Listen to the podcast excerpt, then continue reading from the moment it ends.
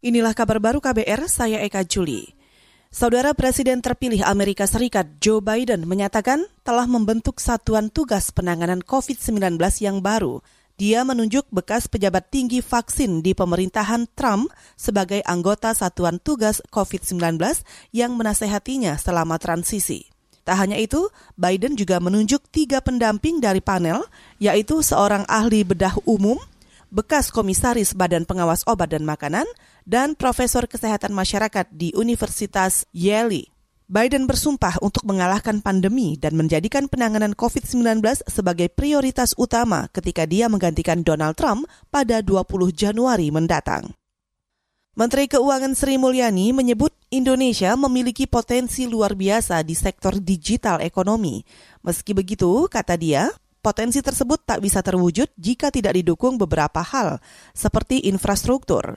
Pemerintah disebut telah mengalokasikan anggaran sebesar 400-an triliun rupiah untuk infrastruktur dan 30 triliunan untuk teknologi informatika pada APBN 2021 yang memungkinkan seluruh uh, orang Indonesia di mana pun mereka berada tidak ada istilah ter, uh, terluar, terpinggirkan, atau tertinggal dalam hal ini. Mereka perlu untuk mendapatkan akses internet. Makanya kita perlu membangun infrastruktur. Kita tahu bahwa research dari World Economic Forum menggambarkan uh, potensi Indonesia itu hanya akan bisa terjadi apabila kita mengadres empat isu, yaitu infrastruktur termasuk ICT, SDM, capacity kita, untuk mengadopsi ICT, institusi, dan regulasi. Menteri Sri Mulyani juga menjabarkan anggaran ini bakal digunakan untuk membangun transmisi di lebih dari 5.000 desa. Sementara itu saat ini masih ada 12.000 desa yang belum terkoneksi. Pemerintah, kata dia, juga bakal membangun koneksi internet di 12 ribuan lokasi layanan publik. Dinas Pariwisata Provinsi ini mencatat sebanyak 20 daya tarik wisata yang berada di kawasan rawan bencana Gunung Merapi ditutup.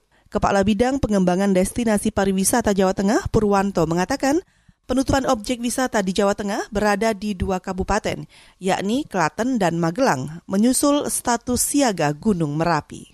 Di lereng Merapi jelas dari Klaten itu sudah mengeluarkan surat, demikian juga dengan Kabupaten Magelang sudah mengeluarkan surat untuk penutupan objek wisata tersebut. Kalau untuk di Merapi itu ada di Magelang ada 10 destinasi wisata, kemudian ada tiga desa wisata, kemudian untuk Klaten itu ada tujuh destinasi wisata untuk Klaten.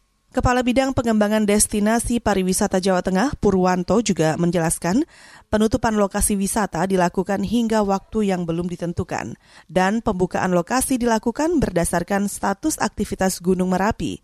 Jika aktivitas gunung kembali mereda, maka lokasi wisata akan kembali dibuka. Saudara, demikian kabar baru. Saya Eka Juli.